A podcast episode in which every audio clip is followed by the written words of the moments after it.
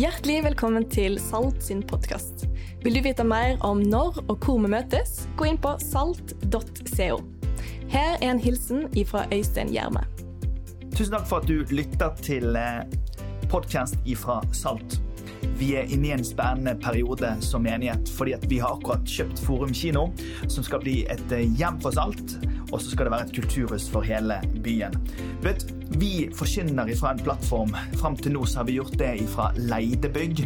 Nå har vi muligheten til å investere i et bygg som skal velsigne mennesker i mange år framover.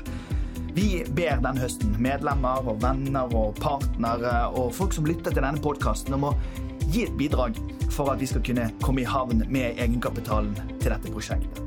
Så hvis du vil, ta og vips noen penger til 12345, eller gå inn på salt.co slash forum og les hvordan du kan være med og bidra. Vi trenger hjelp fra mange for å nå i land med dette, og sammen bygge en plattform hvor vi kan nå enda lenger. Så tusen takk for din gave. Takk skal dere ha. Vær så god, du skal få sitte ned. Fint å se alle sammen her på en søndag formiddag i fint vær. Det var fantastisk. Jeg så på værmeldingen i går så tenkte jeg gode Gud, kanskje det regner andre dager enn på søndagen. Men, eh, men, i dag var det fint vær, og det var godt med folk i kirken. og det er jeg veldig glad for. Du vet, Jeg er så barnslig og så voksen blitt nå at eh, for at jeg skal huske alle oppgavene som jeg har, så har jeg ulike sokker for ulike anledninger. Så jeg, For en tid tilbake så måtte jeg gjøre noe som jeg syntes var litt flaut. Eh, så da tok jeg på meg 17. mai-sokkene mine. Og så Hver gang jeg så ned, så tenkte jeg jeg gjør det for Norge. Og i dag så er det, så taler, Jeg har alltid på meg disse sokkene her. Disse med pil på. Når jeg skal tale litt visjonært. Eh, og jeg tenker, Med vanlige ledere rundt meg så Ja, det er bra, Øystein. det var fint. Men når Truls Åkerlund er her, så sier han har du, har du, har du sånn bukse da? Eh, eh, så jeg er veldig glad for at det er, det er, forskjell på folk, og at jeg har litt mer stabile ledere enn sånne som Truls rundt meg her på Vestlandet. Sånn til vanlig. Hvor leder av Truls, forresten? Gikk han? Han er her. Han er en røver, han der. Følg med, han. Du, dere, jeg skal snakke i konferansetemaet vårt i løpet av de neste minuttene. og Derfor så har jeg tema Norvik-sokkene mine på meg. For til denne helgen så har vi snakket om temaet 'Når vi kommer sammen'. Så det er, det er, litt en preken, og så er det litt en sånn Nå, nå forsøker jeg å, å, si siste tingen inn i det temarekken vår for denne helgen, så jeg får sendt med oss alle sammen et signal om at når vi kommer sammen, dere, så er det noe veldig viktig noe som skjer. Fordi at Hvis vi klarer nå, i de årene som kommer, å, å, ha gode og sterke og gode samlinger som er varme og energifylte og begeistra og Jesusorienterte og ærbare og ryddige, så vil vi også kunne ha en effekt og en sendelse til landet vårt som lys og salt i verden. Det er mitt mål. Det er det jeg ønsker å oppnå. Jesus han eh, fikk spørsmålet en gang hva skal vi sammenligne Guds rike med. Og I Markus kapittel 4 så svarer han på det med noen lignelser, og jeg skal lese to av de. Han sa med Guds rike så er det slik. Det er som når en mann har sådd korn i jorden, og han sover og han står opp, og det blir natt og det blir dag, og kornet spirer og vokser, men han vet ikke hvordan det skjer. Av seg selv gir jorden grøde. Først strå, så aks og til sist moden korn i akse. Så snart grøden er moden, svinger han sigden, for høsten er kommet. Og I vers 28 der så står det 'av seg selv'. Og fra det greske ordet 'av seg selv' har vi ordet automateo, altså det er det greske ordet, og det er automatisk vi har. Det er akkurat som om bonden han, han klør seg i hodet og så lurer han på Jeg tok en lite frø og la det i jorda, men når det lå der, så kom det noe opp som ga frukt for det som kom seinere. Det var en liten gutt som sto ute på tunet og gråt i Burkina Faso. Han så på faren sin, som gikk bort til boden, tok en sekk og la den på skuldrene sine og begynte å gå utover den tørre marka. Det var helt tørt utover alt der han gikk, men han tok tak i frøene som var i sekken, og så kastet han de ut over den tørre marka. Og det som skjedde var at Denne gutten han sto der og tenkte at det som pappaen min nå står og hiver ut over den tørre marka her, tidspunktet så var det noe som kunne blitt grøt til meg i dag. Men i Burkina Burkina Faso på det tidspunktet så var det ikke nok mat til å mette i den sesongen hvor de trengte å så. Derfor så gråt den lille gutten, derfor så gråt mammaen, for det var en smerte forbundet med å ta det som kunne i dag blitt mat, og heller så det så at det til høsten kunne være mat. Derfor så står det i Bibelen at vi skal så med tårer, men vi skal også få lov til å høste med jubelrop. Og Det det betyr når Jesus står i Markus kapittel 4 og snakker om Guds rike og sier at det er som et frø, så er det fordi at i det lille frøet så ligger det uendelig store. I risikoen av å legge det ned i jorda for at det eventuelt dør, så skjer det en oppstandelse som gjør at det vokser. Derfor så fortsetter Jesus, og så sier han, hva skal vi sammenligne Guds rike med? Hvilken lignelse skal vi bruke? Jo, det er som et sennepsfrø. Og det er det minste frøet på det tidspunktet her som de kjente til. Når det blir sådd, så er det mindre enn noe annet frø på jorden. Men når det er sådd, så vokser det opp, og det blir større enn noen andre hagevekster. Og får så store greiner at himmelens fugler kan bygge rede i skyggen av det. Når Jesus underviser om hva Guds rike er, og når vi står i Forum kulturarena i Bergen i solskinnet og vi er trøndere, og vi er folk fra Skien, som vi ber ekstra mye for, og vi er folk fra andre steder i landet, så kan vi vite at det som var sant den gangen, er sant i dag. Det er at det uendelig store det ligger skjult i det uendelig små. Og Hvis vi spør spørsmålet er det noen framtid for Guds rike, er det noen framtid for evangelisk kristenhet i vår del av verden, vel, så er det her løsningen ligger. De ligger i troen på at Guds rike det handler om å bare fortsette å så det, og så tro at det kommer til å gi vekst. Ikke fordi vi er så fortreffelige, men fordi han har sagt at når vi sår det, når vi pleier det, når vi vanner det, når vi passer på det, så kommer det til å vokse. Jesus var 30 år gammel når han eh, eh, ga gass og, og, begynte å samle en gruppe rundt seg. Og når han var 30 år, så, så, fikk han noen fiskere med seg. og Han fikk med noen folk som, som drev i andre eh, sånne yrkesgrupper. Og så sa han til dem at 'Kom med meg, så skal jeg gjøre dere til menneskefiskere'. sa han. Og Så laget han en liten gruppe med, med prøving og feiling, med bønn og arbeid, med lange dagsvandringer, med underlige møter med folk, med regelbryting og ting og tang som skjedde som var utrolig fascinerende. Jesus brukte over halvparten av tida si når vi leser evangeliene, brukte han bare på den lille gruppen. Han skapte noe i den lille gruppen. Og det han gjorde dere, det var at han skapte en gruppe som skulle være til stede for en annen gruppe. Han sa, 'Kom, følg meg, så skal vi bli en gruppe som skal fiske mennesker. Hadde de vært revisorer, sånn som Kenneth som jobber på kontoret vårt, så hadde han hadde sagt 'Kom, så skal jeg gjøre deg til mennesketellere'. hadde han sagt. Hadde de vært frimerkesamlere, sånn som Daniel Mathisen, så hadde han sagt 'Kom, så skal vi gjøre dere til menneskesamlere'. Det spiller ingen rolle om det er fisking, samling eller telling. Poenget er at vi som er kirke, en gruppe fordi at det er en verden som enda har til gode å høre om Jesus. Så er spørsmålet hva kan vi gjøre da når vi kommer sammen?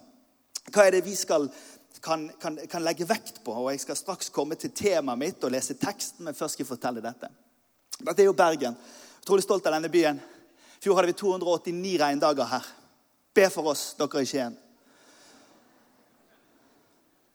De i Skien, de, ja, Truls er min gode venn. Jeg kjente han i 20 år. Truls han sender meldinger sånn i mars, så står han i shortsen.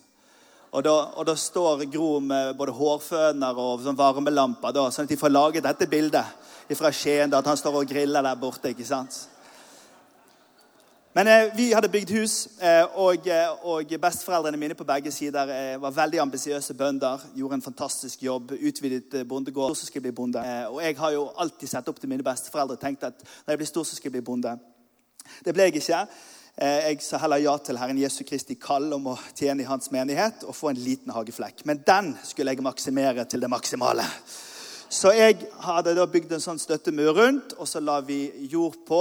Og så eh, sa Gine at jeg nekter at det skal være jord der i vinter. Det må bli grønt. Og jeg opp på plantasjen og kjøpte det jeg fant av gressfrø. Og så sådde jeg da i begynnelsen av august. Og Du som er fra Bergen, du vet at sommeren eh, i august, eh, unnskyld, sommeren i Bergen den, den, er på ettermiddagen i juli. Eh, og Monsunen begynner i august, og, og, den varer gjerne til slutten av juli neste år. Og Jeg hadde sådd dette greiene, og, og det skjedde ingenting. Og jeg sådde mer, og jeg sådde Jeg hadde dopet den plenen som en sovjetisk atlet, altså. Eh, og det var så mye frø i den jorda, men det skjedde ingenting. Men potensialet jeg hadde sådd, var helt fenomenalt. For når vi hadde gått gjennom høsten og vi hadde gått gjennom vinteren, og vi kom til april igjen, og jeg hadde vært i Ålesund og hatt påskemøtene og kom hjem, ja, så kunne jeg si med Bjørnstjerne Bjørnson jeg velger meg april. For uten at jeg gjorde noe, så var det grønt overalt på plenen. Fordi at det som hadde blitt sådd der, fikk en varme på seg og en temperatur rundt seg som gjorde at det var i stand til å vokse og til å tilta. Jeg reiste en gang for å tale på en ungdomskonferanse. Når jeg var litt yngre, så var jeg ikke så sær med at, at jeg skulle reise raskt, så jeg tok bussen, og så tok jeg fly, og så tok jeg bussen, og så gikk jeg et stykke, for de glemte å hente meg. Og så eh, kom jeg fram, eh, og så ble jeg introdusert på kvelden, og så sier eh, møtelederen i begynnelsen Vel, nå er vi samla her, ungdommer og ledere. Det eneste vi kan gjøre, er å be. Og Jeg bare kjente, jeg ble fornærma i det øyeblikket. Er du helt ute? Inviterer du meg til å reise gjennom hele Norge for så å si at det er ingenting vi kan gjøre annet mye som be? Unnskyld meg.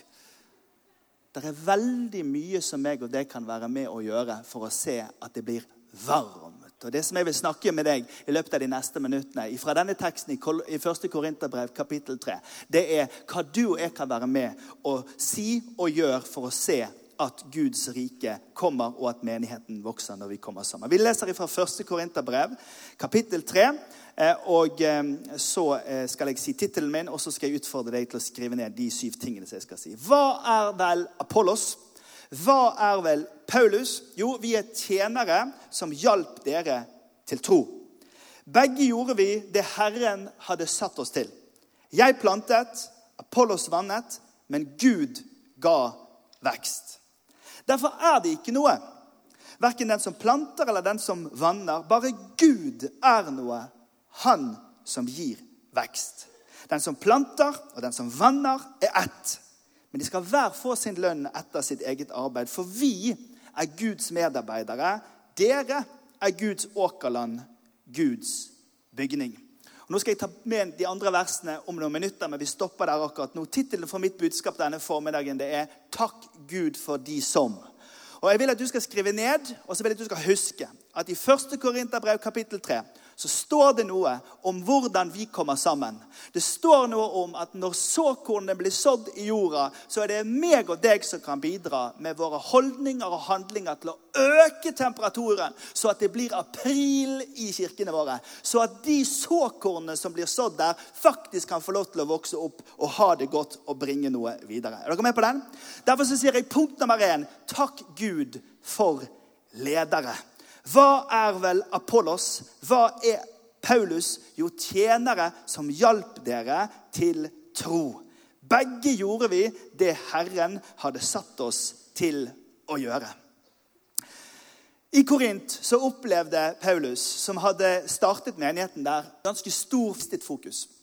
De eh, hadde vokst, og det hadde blitt en ganske stor forsamling der. Men etter en stund så var de mer opptatt av men jeg har lest på bloggen hans at han mener det. Og så har jeg hørt at noe skjer i California på en sånn kjempehalleluja-menighet. og det, det, er veldig bra. Og så har jeg hørt noe veldig flott i Australia. Og så er jeg blitt venn med en i, i Malaysia som er helt, helt kvantefantastisk. Og sånn. som det, og jeg er jo en pinsekarismatisk kristen, og dette er noe av vår utfordring det at vi blir hjemmeblind for det som skjer her vi er, og så blir vi mer opptatt av det spektakulære som skjer et annet sted. Og Jeg har lyst til å utfordre oss alle sammen her til å være takknemlige for det stedet vi bor på, den forsamlingen vi er med i, og de folkene som vi jobber sammen med. Og så takker vi Gud for lederne våre. Dere fikk møte akkurat eh, Ariel og Rebekka her oppe. Og Før jeg kjente de skikkelig godt sånn, eh, på ordentlig, så eh, er det slik at jeg fikk lov til å være med og være tilsynsmann for en ganske stor menighet her i Norge. Og de var mitt første tips til den menigheten. Jeg syns dere skal ansette de til å bli pastorer. Og så ble ikke det akkurat sånn, men etter en stund så, så kom de, og så ville de være med oss og så plante en menighet i Trondheim. Og det er ganske interessant. Når vi har respekt for lederne rundt oss, så er det helt utrolig hvordan Gud kan fremheve og framskynde og promotere livene våre. Det Paulus snakker om her, er ikke at vi skal hylle ledere, men at vi skal ha respekt for og være takknemlige for de lederne som går foran oss. Hva er Paulus? Hva er Apollos? Vi er tjenere som hjalp dere til tro. Vi gjør bare det Gud har satt oss til å gjøre. Og jeg har lyst til å si det til dere, for Nå er jeg blitt voksen og jeg har vært pastor her nå i Bergen i 20 år. Og jeg og Gine har stått i ledelse for denne menigheten i 15 og er, Når vi går gjennom vårt kirkesamfunn, vår bevegelse, så er det ikke så mange som har stått på én plass så lenge som vi har gjort. Og vi har tenkt å gjøre det lenge videre. Men Ege Svartdal, som er tilsynsmann til denne menigheten, har spurt Og da svarer jeg Kjenner du at menigheten bærer deg? Og da svarte jeg han ikke, for jeg visste ikke helt om jeg kjente det. Men jeg har lyst til å vitne for dere i dag og si at jeg kjenner det nå. Og det er veldig viktig for meg å si til deg som ikke er med i denne forsamlingen, eller med, med en annen, det er ikke vanskeligere enn å be til Gud for lederne dine, lære ungene dine å be til Gud for lederne dine, og de gangene du er lei deg for noe, snakke med lederen om det istedenfor å snakke med noen andre om det. Da er vi kommet kjempelangt. Takk Gud for våre ledere. For det andre, takk Gud for de som deltar. Jeg plantet, Apollos vannet, men Gud ga vekst. Eh, I Skien så planter de selvfølgelig menigheten. De jo, eh, de, de, må jo vanne. da. I Bergen så bare planter vi den, for det vannes jo av seg sjøl her. på en måte. Men, men det er en oppgave som ligger på planteren, og så er det en oppgave som ligger på vanneren, og så er det en Gud som gir veksten. Men nå må ikke vi få en kortslutning hvor vi tenker at det er bare Gud som gir veksten. For det var det som var problemet når jeg kom til den ungdomskonferansen, hvor alle ungdomslederne og alle de som var til stede, ble fortalt om at det eneste vi kan gjøre, er å be. Det stemmer ikke. Og jeg må si det til godt voksne folk rundt omkring i Norge ganske ofte. altså Løsningen er selvfølgelig å be også, men vi må gjøre noe på veien til den veksten som vi ønsker at skal skje. Det var en mann som viste fram hagen sin for en kamerat som kom på besøk. Og så sa kameraten at Gud, Gud har velsignet deg ordentlig med en flott hage. Du. du har fått en kjempeflott hage. Og han tenkte at her har jeg gått og gravd grøfter, laga fontener og ordna med fisk. Så han sa bare du skulle sett ut hvor det så ut når han herren ordna med haien sjøl. For greien er den at Det er ikke en motsetning, om at han gir veksten. Fordi at vi har en oppgave av å plante, vi har en oppgave av å vanne, og så er det Gud som gir veksten. Pastor Rick Warren sier det sånn menigheter vokser ved at Guds begge element åpenbart gjennom menneskers dyktighet og innsats. Begge elementene, Guds kraft og menneskers dyktige innsats, må være med. Vi kan, gjøre, vi kan ikke gjøre noe uten Gud, men Gud har bestemt seg for å ikke gjøre noe uten oss. Så mens vi venter på at Gud skal arbeide for oss, så venter Gud på å arbeide gjennom oss. Og denne lille omgjøringen i tanken, kjære venn, hvis du kan ta med den, den herifra i dag og tenke vet du, Gud jobber gjennom oss. Og jeg er så utrolig glad for Sigurd er en fantastisk eh, eh pianist. Han er ikke fullt så fantastisk sanger. Eh, og jeg er så utrolig glad for å være en del av menighet hvor han ikke lenger er forsangeren vår. For det var tider Vi nådde et visst nivå med han som forsanger. Og så bare skjønte jeg at vi må, vi må gi han andre oppgaver og skryte han inn i en eller annen avdeling. Så at han ikke ødelegger for oss. Og Det er den bredden som oppstår i en menighet når vi hjelper hverandre å finne plassen. Vi skal komme til det straks, Men Gud jobber altså gjennom oss. Takk Gud for de som deltar. Takk Gud for de som drømmer. Derfor er det ikke noe, verken den som planter eller de som vanner. Bare Gud er noe. Han gir vekst. Og Her høres jo Paulus ut som en skikkelig norsk sånn likhetstenker. Nei, det er ikke, ikke noe viktig med meg. Jeg er jo bare liksom, det spiller noen rolle. Gud er fantastisk. Han høres jo rett og slett norsk ut her. Men da tenker jeg, her bruker han kontrast for å få gjennom et poeng. Det er jo ingen av oss som tenker at vi er de som er viktige her. Det er jo han som er den viktige her. Men det betyr jo ikke at vi skal gå og gjemme oss. Det betyr at vi skal stå midt i det som vi drømmer om. Da jeg var barn, vokste opp i denne byen her, Så satt jeg på kontoret til forstanderen, som var pastor i min menighet. Og så satt jeg der, og så, Jeg husker jeg satt på andre siden av bordet, og han satt på den siden av bordet. Og så sa jeg jeg kjenner at Herren kaller meg til å menighet og kristendomslærer eller misjonær. Jeg visste ikke hva jeg skulle si. sant? Jeg hadde lyst til å si sånn, sant? men jeg var du, du må gå ordentlig. Eh, og, og, og, så sa han du, du, må gå mest mulig på skole. Så han, jeg, Gud, er det så ille, tenkte jeg. Eh, men, men det at jeg traff han som snakket til min drøm, og andre ledere som hjalp meg til å så gå i retning av det som Herren viste meg i mitt hjerte når jeg var ganske det er jeg utrolig takknemlig for. Og Derfor så sier jeg takk Gud for de som har drømmer. Takk Gud for at eh, Arild og Rebekka hadde en drøm om å flytte ifra et sted Konsmo. Eh, eh, du trenger ikke å google det. Det er en liten plass til, til skyggen av Nidarosdomen. Og folk som forsøkte å psyke oss ut, sa 22 menigheter er lagt ned i Trondheim siden 1990. Det er ikke sikkert det går. Og så sa vi bare vet du hva, vi hører ikke på det øret.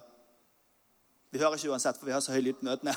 men, men eh, eh, men, men, vi, bare, vi, kan bare ikke høre på det øret. Vi er nødt til å tro her inne. Og Det var det Yong Gishu sa. Jon Gishu startet verdens største menighet. Han sa dette. Great result. great result. Vision, unclear result. Altså, klare visjoner, klare resultater. Uklare visjoner, uklare Dere aner ikke hvor mange som har forsøkt å kidnappe ideen om salt gjennom disse 15 årene. Dere aner det ikke. Hvor mange som har forsøkt å si det går ikke, du kan ikke, du må ikke. Men vi har bare bevart her inne det bildet som vi ser her inne. Og nå begynner vi å ane konturene av det som skjer her ute. Men måten vi gjør det på i Norge, det er ikke å skryte til vi blir blå i ansiktet. Vi snakker nesten aldri om India og 10 000 mennesker og 250. Men vi prøver å snakke, vi bare hysjer oss gjennom det. Fordi vi begynner nå å se konturene av en bevegelse sånn som vi har drømt om veldig lenge. Takk Gud for de som drømmer. Takk Gud som står Torvaldsen, som har hatt drømmen og båret den under denne kulturskolen. Som står oppe i Fridalen her oppe og gjør en fantastisk Takk Gud for Benedicte Ekemann, som i pluss og minus og opptur og nedturer har kjempet for menneskehandelssaken i kjernen av denne kirken. Har bare holdt ut med både meg og oss andre og holdt fast på drømmen. Og finansbyråden står her i går og sier det de gjør, betyr noe i dette rådhuset og betyr noe for denne byens liv. Takk Gud for de som drømmer. Og jeg vet det at Denne helgen jeg spurte for, ja, hva er det best denne helgen da? Så var det noen som sa det var det der at vi skrev de der lappene. Det var det tente meg. Ja, Det var det der at jeg får lov til å være entusiastisk. Det var det som tente meg. Det var det jeg fikk snakket med noen her ute som trengte en samtale. Det var det som tente meg. Jeg kunne spurt i dette rommet. Det er mange ulike drømmer i dette rommet fordi vi er mange ulike mennesker Takk Gud for de som drømmer. I navnet Jesus Kristus setter jeg deg fri til å drømme din drøm. Til å be over din drøm. Jobbe i retningen av din drøm, så at vi blir dette som Gina snakker om, en menighet med mange dører og mange kontaktpunkt som gjør at denne byen kan bli for berøring med Jesus. Takk Gud for de som oppmuntrer. Den som planter, og den som vanner, er ett. Men eh, de skal få lønn etter sitt eget strev. Eller sitt eget arbeid. Jeg eh, har jo intervjuet ganske mange kristne ledere opp gjennom årene mine. Bare for min egen del, for å lære litt. Og eh, jeg, jeg, jeg, går alltid i et møte med en voksen leder, og så spør jeg liksom hva, hva vil du si til meg? Hva ser du? Hva, hva, er ditt beste tips? Hvordan kan du Og det jeg merker er at den generasjonen som er pluss 50-60 Noen av de, ganske, de som er ledere der, de er ofte litt sånn De tåler veldig mye. Og så kommer det en generasjon nå som jeg er utrolig glad i, eh, som vi har kalt generasjon prestasjon, som har fått i overkant mye stryk. Eh, eh, ikke stryk, men eh, skryt. Eh, eh, og, og, noen ganger så kan det virke som om det, det, det, det blir litt Mange som har kommet til salt mer skjørt enn det det burde være. Og mange som har kommet til Salt, og Dere har jo sett det denne helgen. Dere har ikke sett meg gjøre vel så mye her. Så mye her. Jeg har ingen problemer med å sitte ganske stille. Fordi at denne menigheten består jo av veldig masse mennesker som gjør sin oppgave langs veien. Fordi at det, det handler ikke om talentet til én, men det handler om innsatsen til de mange. Kom med på det? Og Det er det som er så fantastisk. Jeg håper du ser det. Jeg håper du, du, tar med deg det bildet at her er vi mange som Fordi vi har bestemt oss for i Salt at vi har en arbeidsglede i menigheten. Det viktigste i menigheten er at vi må være og ikke gjøre. Det der er nonsens. Kan dere slutte å si det tullet der? Altså, det, du kan ikke si sånne ting. Det å være Guds barn og få lov til å tjene som Guds barn er ikke to separate størrelser i konkurranse med hverandre. Men det handler jo om å balansere det riktig gjennom livet. Men vi må ikke trekke pluggen ut av muligheten til å delta ved at vi lager oss sånne teologiske underfundigheter som gjør at vi passiviseres. Er dere med? Derfor er jeg så utrolig glad for at jeg kan få takke Gud for de folkene som oppmuntrer hverandre, og som legger vekt på å, å, å snakke godt. Vi blir så små når vi kritiserer, når vi kommenterer, når vi passiviserer, og når vi bare mener. La oss bestemme oss for at i et, et, vekstmiljø. Der oppmuntrer vi hverandre og gleder hverandre. Det er som når vår mellomste sønn han hadde fått altfor mye kjeft en periode. Og, og, og jeg, jeg, angrer sånn på det, men det var en, en høst. Var, alt gikk feil for, for han mellomste. Eh, og nå er ikke han her for å forsvare seg, men jeg får lov til å fortelle denne historien. Alt gikk galt. Helt til jul så tok han et lodd. Og så kom idrettslaget der i nabolaget hjem til oss. Og så hadde, hadde Philip han hadde vunnet et fenalår. Eh, og så gikk det noe annet galt litt senere. Han grein, og så kom han inn. 'Jeg vant iallfall det låret.' Altså, Han klarte å finne noe å holde fast på. Og det er det eh, og Derfor så sier vi Filippa rett og sant på litt ekstra kred Alt som er sant og edelt, rett og sant, alt som er verdt å elske og akte, alt som er til glede, og alt som fortjener ros, legg vind på det. Så hvis du er en sånn som skriver i kommentarfeltet, sånn, så syns du bare skriv inn Filippane 4,8, du. Med, også med sånn applaus på, eller sånn det der hjerte. Er du med? Fordi at det, i, i det harde klimaet som har kommet nå i, i samfunnet vårt, så, hvor, hvor, liksom kredibilitet får du når du knuser til noen. Da må vi gjøre sånn som Glenn Barrett har sagt oss denne helgen. Vi, vi, vi, vi tåler å oppleves naiv fordi vi velger godhetens stemme. Jeg synes jo, Min kone fikk preke her i går, jeg fikk ikke preke. og jeg er litt fornærmet på det, og sånn, Så jeg tenkte jeg skulle bare, bare lese fra en artikkel hvor datteren min ble intervjuet om meg. Da Ariana ble spurt om hvordan det har vært å ha en så kjent pastor som far, mangla det ikke på lovord om ham. Jeg eh, har lært skikkelig mye av pappa. Han er en god far, og det er ikke noe jeg bare sier. Jeg mener det. Han er genuin og ekte. Og han kan ofte gi meg tips i livet og forstå hvordan jeg har det når ingen andre gjør det. Eller Gud forstår det, men ikke mamma.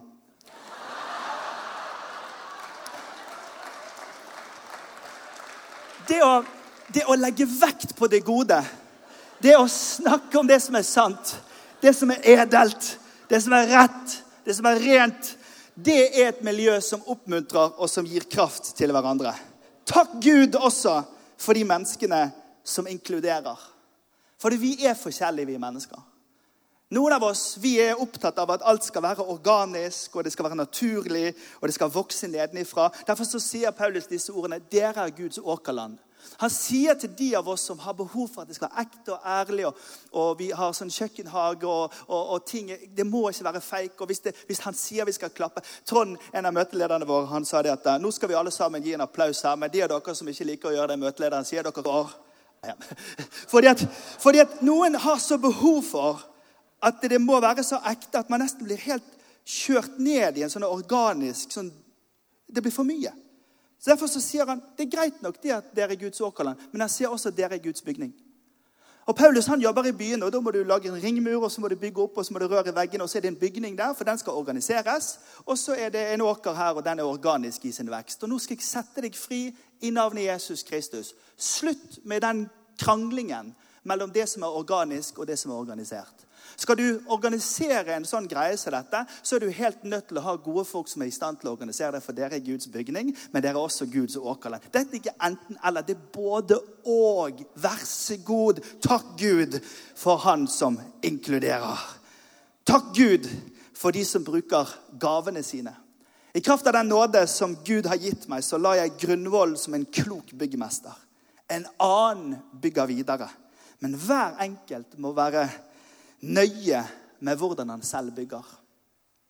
Når vi var på Rå skole og vi satte ut stolene, og Hanne kom jo hit til oss, hun som er produksjonssjef her i dag, hun kom til oss som førsteårsstudent på Handelshøyskolen eh, det året. Og Vi bar ut stolene klokken halv ni, og så bar vi de tilbake inn klokken to. Og så hadde vi gudstjeneste og fellesskap den, eh, på det stedet. Og Da kom det en jente til meg og så sa hun, vet du, Øystein, vi kan bære veldig mange stoler hvis vi også kan få lov til å bruke noe av tiden vår på det vi brenner for også. Og Kristina som sa det, hun hadde helt rett. Fordi at Vi tror ikke at menigheten skal være et sted hvor vi bare skal arbeide. Vi tror det også er et sted hvor vi skal få lov til å komme med gavene våre og få lov til å bidra. Men så er det slik at det er arbeid som må gjøres. og så er det Noen ganger vi har en fulltreffer, og noen ganger det ikke er en heltreffer. Og sunnheten av et miljø det handler om at vi er kloke i måten vi bygger menigheten på Stord, og bygger menigheten i Levanger og bygger menigheten i Førde. Vi må være kloke i måten vi gjør det på, men vi inkluderer for de som i det som vi gjør. Og til sist takk Gud for de som holder fokuset på Jesus. Ingen kan legge noen annen grunnvoll enn den som er lagt, og det er Jesus Kristus. Jeg har vært på denne saltmenigheten. Der er de veldig opptatt av teknologi og antropologi og sosiologi og marketing. Og nei, nei, nei, nei, nei. Det du sier, det betyr ikke at det er sant. Og det er derfor Folk, ikke må, folk må ikke tro alt de hører. Og så må ikke folk så må ikke folk tro alt de tenker. Etter de har hørt noe de egentlig ikke skal tenke. For det er jo der det bryter sammen. Det er at Hvis noen sier desinformasjon inn i hjernen, og så blir den tanken til en tro, da blir jo den troen feil. Altså, vi vi, vi har løftet opp Jesus her i alle år. Og hvis du lytter til forkynnelsen her, jeg sier det til alle som kritiserer, ja, hør igjennom alle tallene. da. Bare hør igjennom alt sammen. For Det er ikke en preken uten at det er et bibelord. Det er ikke en, det er ikke en gudstjeneste uten at Jesus er i fokus. For vi er overbevist at du kan ikke legge noen annen grunnvoll enn den som er lagt, og det er Jesus Kristus. Og Derfor er det ingen fare for meg at når statsminister Erna Solberg er her, så er det helt naturlig for oss å gjøre en frelsesinnbydelse. Og fem eller syv mennesker tok imot Jesus her. Og det tallet det vet de folkene som følger folk opp, men det er det viktigste vi gjør. Vi har aldri sagt at vi skal bygge en kirke basert på god marketing, på sosiologisk forståelse eller på kulhet eller bra tema. Og vi sier heller ikke noe at den LED-skjermen kommer til å frelse noen. Men vi tror av hele vårt hjerte at budskapet om Jesus Kristus fortjener alt det beste stæsjet for å få fram det klareste budskapet om at det fins ingen annen grunnvoll som vi skal legge. Og så skal det prøves, da. Om noen år.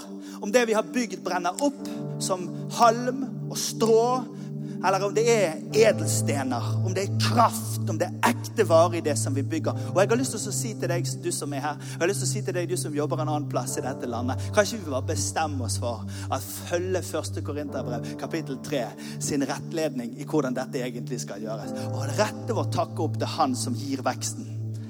Men samt fokus så stiller vi oss sjøl tilgjengelige for å ha riktig fokus, riktig holdning, riktig innsats. Gavene våre med, inkluderende, ikke tenke det verste, men tenke det beste. Og når vi gjør alt dette, ja, da blir det et vekstmiljø. Jeg gledet meg i april når det vokste i hagen. Men jeg gjorde ingenting fordi jeg hadde sådd over alt. I Markus kapittel 4 får Jesus spørsmålet hvordan er det med Guds rike. Guds rike er det som en mann som tar såkornet sitt, og så sår han overalt. Han sår langs veien der folk bare tramper over det for de skal kjøpe en ny kaffelatte. Han sår det inn i bekymringene i tårnekrattet. Han sår det ut over steinene der det er hardhet. Og så sår han i den gode jorden. Men fordi han sår overalt, så kommer det en høst en gang. Og mine besteforeldre, kanskje dine besteforeldre, folk som har jobbet i Norge i alle år før oss, har sådd overalt. Og vi bare takker Gud for det Indremisjonen har gjort, og for det, det Kirken Den Norske har gjort, for det alle skolelaget har gjort, for det Ny Generasjon har gjort, for det TV-evangelister gjør. Vi takker Gud for det der det treffer. Vi takker Gud for alt dette gode såarbeidet som gjøres. Og så vet vi at det er Han som gir veksten. Han sørger for at det vokser av seg selv. Det er derfor vi har en såpass stor låve dette så at vi kan dra inn folk og være med å bringe folk til Jesus. Skal vi reise oss opp i sammen? Takk, Jesus. Herre, vi priser deg og takker deg for at din kirke i verden er en kirke som skal vokse. Takk, Herre, at ditt rike er et vekstrike. Takk at du vil det beste for oss og ikke det verste. Og nå ber jeg deg, Herre, for denne takk Gud-listen min, Herre, om at vi denne formiddagen skal få gå herifra med en klar overbevisning om, Herre, at, at du vil at det skal vokse. Men at du også utfordrer oss til å la oss justere. Og Hellige Ånd, nå ber jeg om at du justerer oss. Juster de av oss, Herre, som, som ikke har kommet med gavene våre. Fordi vi ble såra en gang, og vi har valgt at vi ikke ble verdsatt. Så justerer du oss når vi har vært sånne som har snakket ned istedenfor å snakke opp. Og så justerer du oss når vi har vært sånne som har vært mer kritiske enn rettferdig, og ikke snakke til de riktige folkene istedenfor så har vi snakket om de. Helligånd, du er velkommen til dette rommet på denne siste dagen av vår konferanse til å nappe opp litt sånne småugras som finnes også i mitt liv og i livene til de av oss som er her, og gjøre oss klar for at ditt rike er et vekstrike. Ditt rike er et rike som videre i Levanger og i Trondheim og i Skien og i Oslo og i Hamar og i Østerdalen og i Hallingdalen og på Sørlandet og verden over skal få lov til å vokse. Takk for at du har sagt at det skal vokse. Lær oss å flytte hindringene for det som kan skje i Jesu navn. Tusen takk for at du lytta til podkasten. Vi håper at dette budskapet vil være til velsignelse for deg i uka di.